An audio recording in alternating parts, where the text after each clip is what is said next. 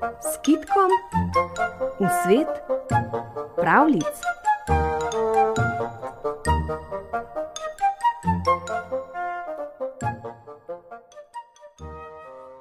Za sadovnjakom sta se srečala petelinček in kokoška. Prišla sta, da se nazobata orehov. Jedla sta in jedla, potem sta se usedla in na zadnje je kokoška rekla: Kako rada bi se vsaj enkrat peljala v kočiji. Počakaj malo, je rekel petelinček, kočijo ti pa že lahko naredim. In je naredil kočijo iz orehovih lupin. Kokoška je zlezla na njo, bila je več kot zadovoljna. Lepo, lepo, je rekla, zdaj se bom lahko peljala, kar po ulici. Misliš, da ti bom za konja? se je razjezil petelinček. Jaz, ki sem županov petelin? Ne, ne. Če že, potem bom kočijaš. Vleče naj kdo drug. In kot nalašč je mimo prišla raca. Lepa kočija, je rekla. Lepa, sta rekla petelinček in kokoška. Samo nikogar ni, ki bi jo vlekel.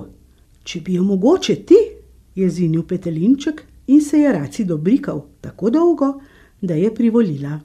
Upregal jo je v kočijo, tlesknil z bičem in pognal. V galopu so zdrveli čez svet. Potem pa so zagledali, da se na cesti nekaj blešči. Petelinček je ustavil in našel buciko in šivanko. Ah, je rekel, vse sta samo bucika in šivanka. In je hotel pognati naprej. A bucika in šivanka sta prosili: Vzemite še naju, vzemite še naju, naj greva na kočijo. Pa ju vzemiva, je rekla kokoška.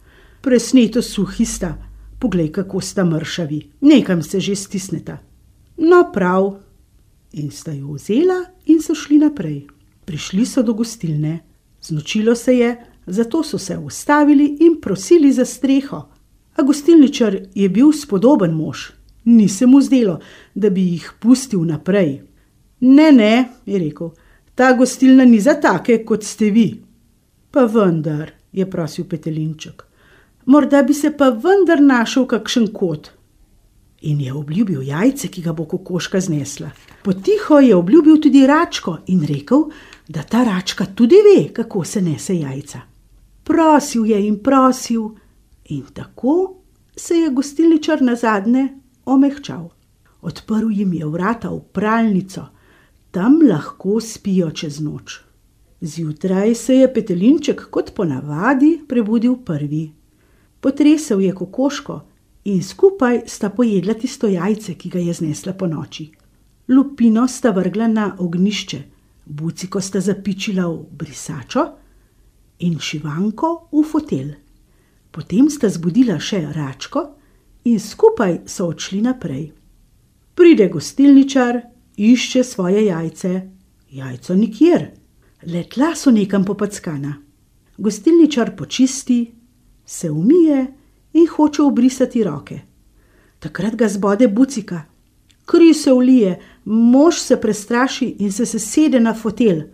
Zdaj ga zbode še šivanka, poskoči in zaupije: Preklemanska golazen! In išče petelinčka, da ga strese.